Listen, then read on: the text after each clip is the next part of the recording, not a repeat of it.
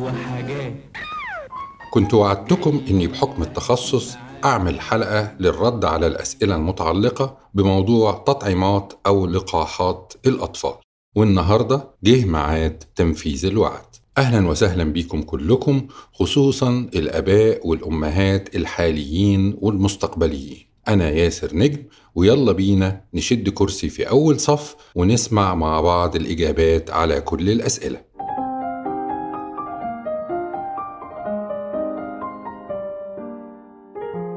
هحاول الإجابات تبقى المختصر المفيد أو الزتونة زي ما بيقولوا. كلمة ورد غطاها. إلا لو في سؤال معين يبدو إنه محتاج تفصيل شوية هوضح وقتها علشان الأمور ما تلتبسش على حد والإجابة تبقى وافية وكافية. أول سؤال كيف تعمل التطعيمات وإزاي بتحمينا من الأمراض؟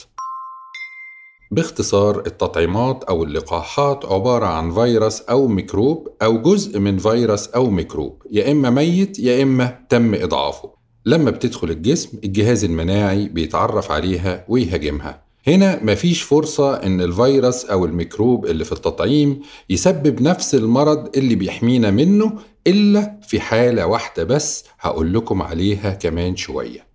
المهم إن الجهاز المناعي بعد ما يسيطر على الميكروب الموجود في التطعيم بيحفظ تفاصيله في ذاكرته ويبتدي يطلع أجسام مضادة بشكل متجدد. في أي وقت مستقبلا يغزو الميكروب الحقيقي الجسم بتكون الأجسام المضادة جاهزة ومستعدة للقضاء عليه قبل ما يسبب المرض.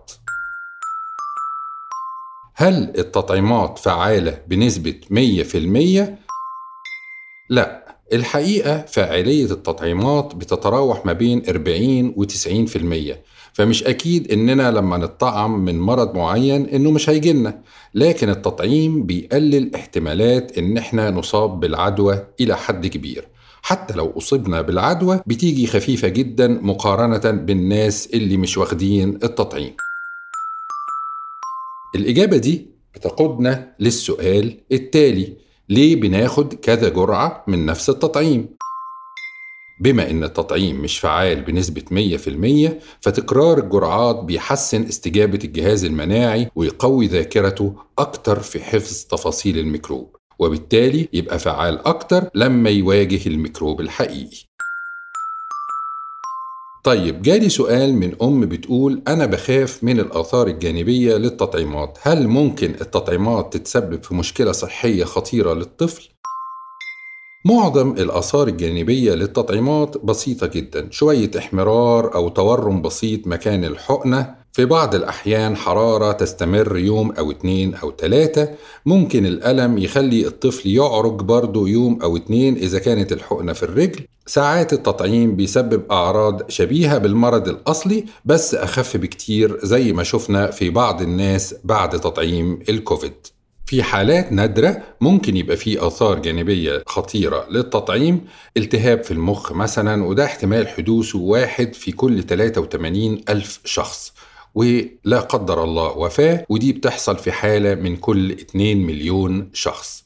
التطعيم في النهاية مستحضر طبي زي ما حد ممكن يجيله أثر جانبي من دواء كحة أو دواء صداع أو مضاد حيوي. التطعيم ممكن يعمل أثر جانبي. مش معنى ده إن إحنا ما ناخدوش لأن المرض الأصلي اللي التطعيم بيحمينا منه خطورته أعلى بكتير. والتطعيمات بتحمي 3 مليون طفل من الوفاة سنوياً. ده غير الإعاقات الدائمة اللي ممكن يسببها مرض زي شلل الأطفال أو تشوهات الأجنة اللي ممكن يسببها مرض زي الحصبة الألماني. طيب سؤال من أم تانية. أنا بنتي مش بتختلط بأطفال تانيين تلقط منهم عدوى ومش بتروح حضانة. ممكن أأجل تطعيماتها لحد ما تكبر شوية بعد السنة الأولى؟ هو السؤال وجيه الحقيقة لكن برضو الإجابة لأ. ما ينفعش نأجل التطعيمات لأن العدوى مش بس بتيجي للأطفال عن طريق الاختلاط المباشر لأ كمان عن طريق غير مباشر. ممكن حتى العدوى تيجي عن طريق الأب أو الأم نفسهم أو أي قرايب أو أصدقاء بيزورونا ونزورهم. وفي بعض الأمراض ممكن الشخص الكبير عشان مناعته قوية ما تكونش ظاهرة عليه أي أعراض أو علامات للمرض لكن برضه ينقل العدوى للطفل الرضيع.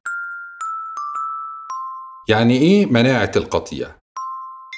سمعنا التعبير ده بكثرة أيام وباء الكوفيد ومناعة القطيع باختصار معناها إن عدد كبير من الأفراد في المجتمع تبقى عندهم مناعة من مرض معين نتيجة تطعيم نسبة عالية من الناس ضد المرض ده أو إنه يكون جالهم المرض بالفعل.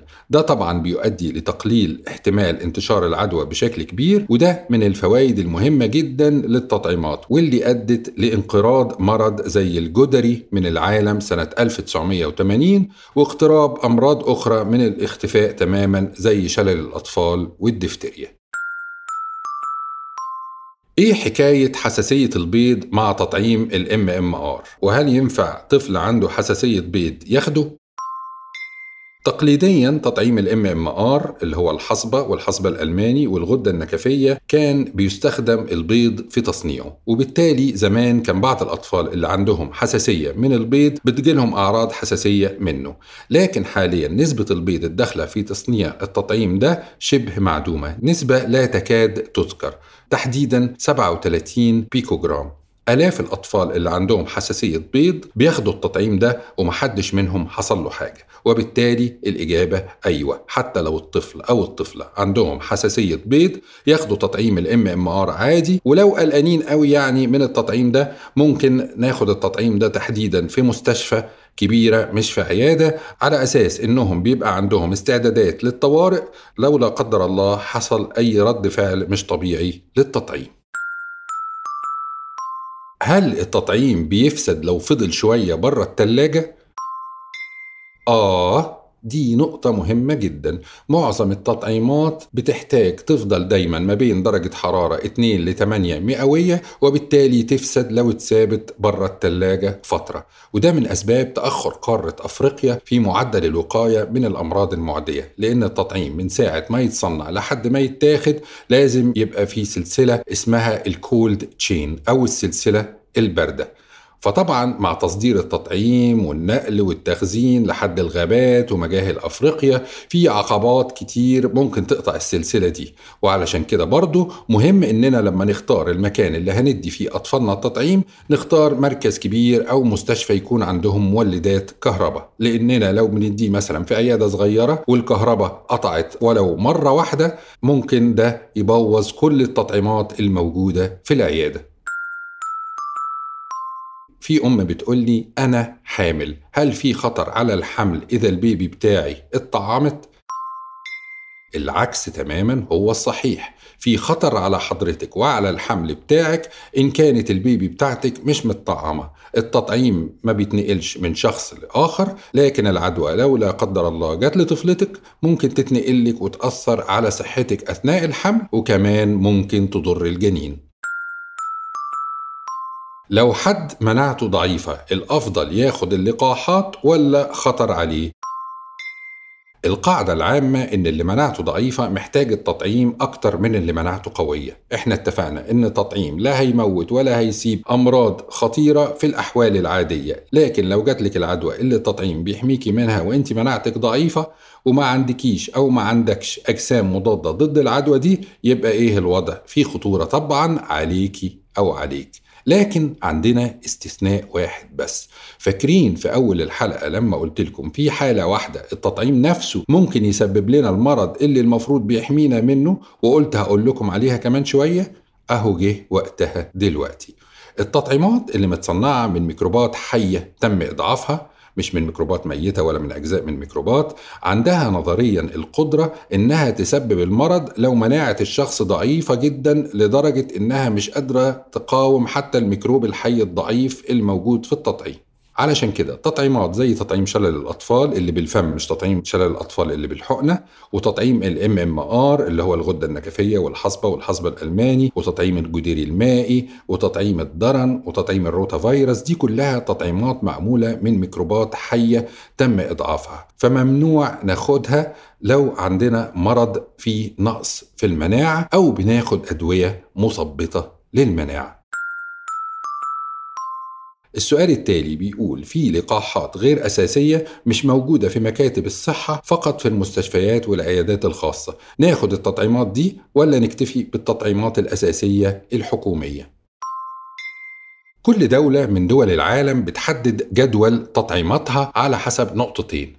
الناحية الأولى الأمراض المنتشرة في الدولة دي والناحية الثانية مادية بحتة لأن التطعيمات الأساسية دي بتغطي تكلفتها ميزانية وزارة الصحة في الدولة. ففي طبعا تطعيمات لا غنى عنها محدداها ومحددة مواعيدها كمان منظمة الصحة العالمية زي شلل الأطفال والدفتيريا والتيتانوس والحصبة والحصبة الألماني والغدة النكفية. لكن تطعيم الضرن مثلا مش أساسي في كتير من الدول الغربية وكذلك الالتهاب الكبدي به تطعيم الروتا وتطعيم الحمى الشوكية والجديري المائي مش أساسيين في كتير من الدول العربية والأسيوية والإفريقية. الالتهاب الكبدي ألف مش أساسي في أي حتة. الإجابة على النقطة دي بالنسبة لطفلك أو طفلتك تحديدا الأفضل تبقى باستشارة متفصلة لكل حالة من خلال طبيب الأطفال اللي عارف الأمراض المنتشرة في البلد والحالة الصحية للطفل وظروف الأسرة. طيب ينفع أدي تطعيمات سن الأربع شهور لبيبي ما خدش تطعيمات سن الشهرين؟ تطعيمات سن الأربع شهور هي هي بالظبط تطعيمات سن الشهرين نسخة طبق الأصل. وبالتالي لو حضرتك ما اديتيش تطعيمات الشهرين هندي تطعيمات الأربع شهور على إنها تطعيمات الشهرين ودورة التطعيمات كلها تتأخر شهرين. وبالتالي الطفل هياخد في سن شهور تطعيمات الأربع شهور وفي سن الثمان شهور هياخد تطعيمات الست شهور. وبكده نكون عوضنا اللي فاتنا بشكل كامل. لو الطفل أو الطفلة بياخدوا مضاد حيوي هل ده بيتعارض مع التطعيم؟ الفكرة مش في المضاد الحيوي حضرتك الفكرة إن الطفل اللي بياخد مضاد حيوي ده عنده عدوى وبياخد المضاد الحيوي علشان يعالج العدوى دي. أي طفل عنده عدوى مش المفروض يتطعم لحد ما يخف من العدوى. زيارة اللقاحات أو التطعيمات دي بيسموها well child visit. الطفل السليم تماما بس هو اللي بيتطعم. الطفل اللي عنده عدوى نستنى عليه بعد ما يخف كده أسبوع أو أسبوعين قبل ما نطعمه. الجهاز المناعي بيبقى مشغول بمكافحة ومحاربة العدوى. فما حبكش يعني نشتته ونشغله بالتعامل مع التطعيم وهو بيحارب العدوى. إيه بقى حكاية الزئبق والألومنيوم وال thimerosal اللي بيحطوهم في تطعيمات الأطفال؟ ال thimerosal ده عبارة عن مادة كيميائية مكونة من زئبق إيثيلي اللي هو ال ethyl mercury وال salicylate. وال salicylate دي هي المادة الفعالة الموجودة في الأسبرين. الثايوميروسال كان بيتحط في معظم التطعيمات لحد سنة 2001 وحاليا بيستخدم فقط في تطعيم الإنفلونزا. ليه بيحطوه؟ لأن هو بيشتغل كمادة حافظة بتحفظ التطعيم من التلوث. اتعملت عليه عشرات الأبحاث وثبت إنه ملوش ضرر على جسم الإنسان لأكتر من سبب. أولا كميته في التطعيم قليلة جدا. ثانيا بيتفتت أول ما يدخل جسم الإنسان والجسم بيتخلص منه مباشرة وبسرعة جدا. ثالثا الزئبق ده مش مادة غريبة عنا. يعني هو الواحد ممكن يخاف أو يتخض لما يسمع إنه بياخد زئبق أو دواء فيه زئبق أو حاجة زي كده. لأن إحنا عارفين ان الزئبق سام وبالتالي الواحد بيحس بالخطر لما يعرف انه بياخد حاجة فيها زئبق لكن الحقيقة الزئبق الإيثيلي ما هواش سام زي الزئبق الميثيلي اللي هو ال methyl mercury. دي نقطة. النقطة الثانية إن الزئبق موجود بكميات صغيرة جدا في البيئة حوالينا في كل مكان في الهواء في المية في الأكل في التربة في البحر. فالزئبق بكميات قليلة جدا وفي شكله اللي هو الإيثيلي اللي هو ال ethyl mercury ما فيهوش خطورة بالكميات القليلة اللي بنتكلم عليها في التطعيم لدرجة إن كمية الزئبق اللي بتخش للطفل من لبن أمه أثناء الرضاعة الطبيعية أكتر بكتير من كمية الزئبق اللي موجودة في التطعيم. طبعا ساعة ما تعرف إن التطعيمات فيها زئبق الجماعة بتوع ال anti-vax الحملات المضادة للتطعيمات عملوا حملات كبيرة جدا. شركات التطعيمات عشان تريح دماغها من الصداع ده شالوا الـ thiomersal من كل التطعيمات زي ما قلنا ما عدا تطعيم الإنفلونزا. فلما شالوه كانوا فاكرين إن الصداع هيخف. بالعكس الصداع زاد لأن الجماعة اللي ضد التطعيمات بتوع الـ anti-vax قالوا آه ما دام شالوه يبقى كان عامل مشكلة وكان فيه خطورة. شلتوه ليه؟ ما دام بتقولوا عليه آمن. والجدل مش هينتهي ابدا في الموضوع ده لكن لازم نبقى عارفين إن البحث العلمي على مدى عشرات السنين أثبت إن الثايوميروسال والزيبة عموما بالكميات الصغيرة جدا وفي شكله الإيثيلي اللي بيتحط بيه في التطعيمات ما فيهوش أي خطورة على جسم الإنسان.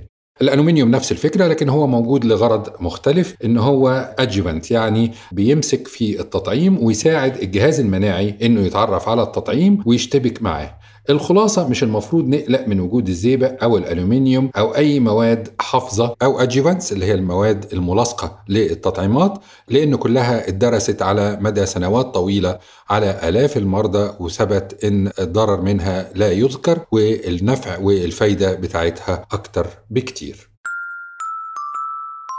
في سؤال عن أحدث تطعيم في عائلة اللقاحات اللي هو التطعيم ضد فيروس ال HPV الهيومن بابيلوما فيروس ده فيروس بيجي عن طريق العلاقات الجنسية وبيسبب سرطان عنق الرحم ودخل الخدمة سنة 2006 وابتدى تدريجيا يبقى تطعيم أساسي في العديد من الدول خصوصا الدول اللي فيها علاقات مفتوحة خارج الزواج في سن مبكر. بيدوا للأولاد والبنات في سن 10 سنين وبتتكرر منه أكتر من جرعة. وطبعا اللي فاتهم التطعيم في السن ده ممكن ياخدوه في سن أكبر. سؤالنا الأخير في الحلقة دي عن تطعيم الكوفيد وتطعيم الإنفلونزا للأطفال. آباء وأمهات كتير بيسألوني يطعموا أولادهم ضد الكوفيد وضد الإنفلونزا ولا لأ. بصراحة ما بنصحش في ظل الوضع الحالي بتطعيم الكوفيد للأطفال. الوباء منتهي حاليا. ده غير أن الكوفيد كمرض بيجي للأطفال خفيف جدا في الأغلبية الكاسحة من الحالات. تطعيم الإنفلونزا الموسمية أنصح بيه للأطفال اللي بتجيلهم أدوار عدوى تنفسية متكررة في موسم الشتاء وخصوصا الأطفال اللي عندهم حساسية في الصدر أو مشاكل في القلب أو سكر أو أي أمراض مزمنة.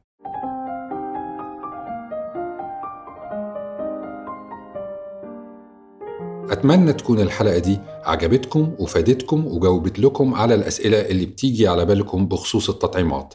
وإلى لقاء قريب الأسبوع الجاي وبإذن الله ربنا يديم الصحة علينا وعلى كل أولادنا.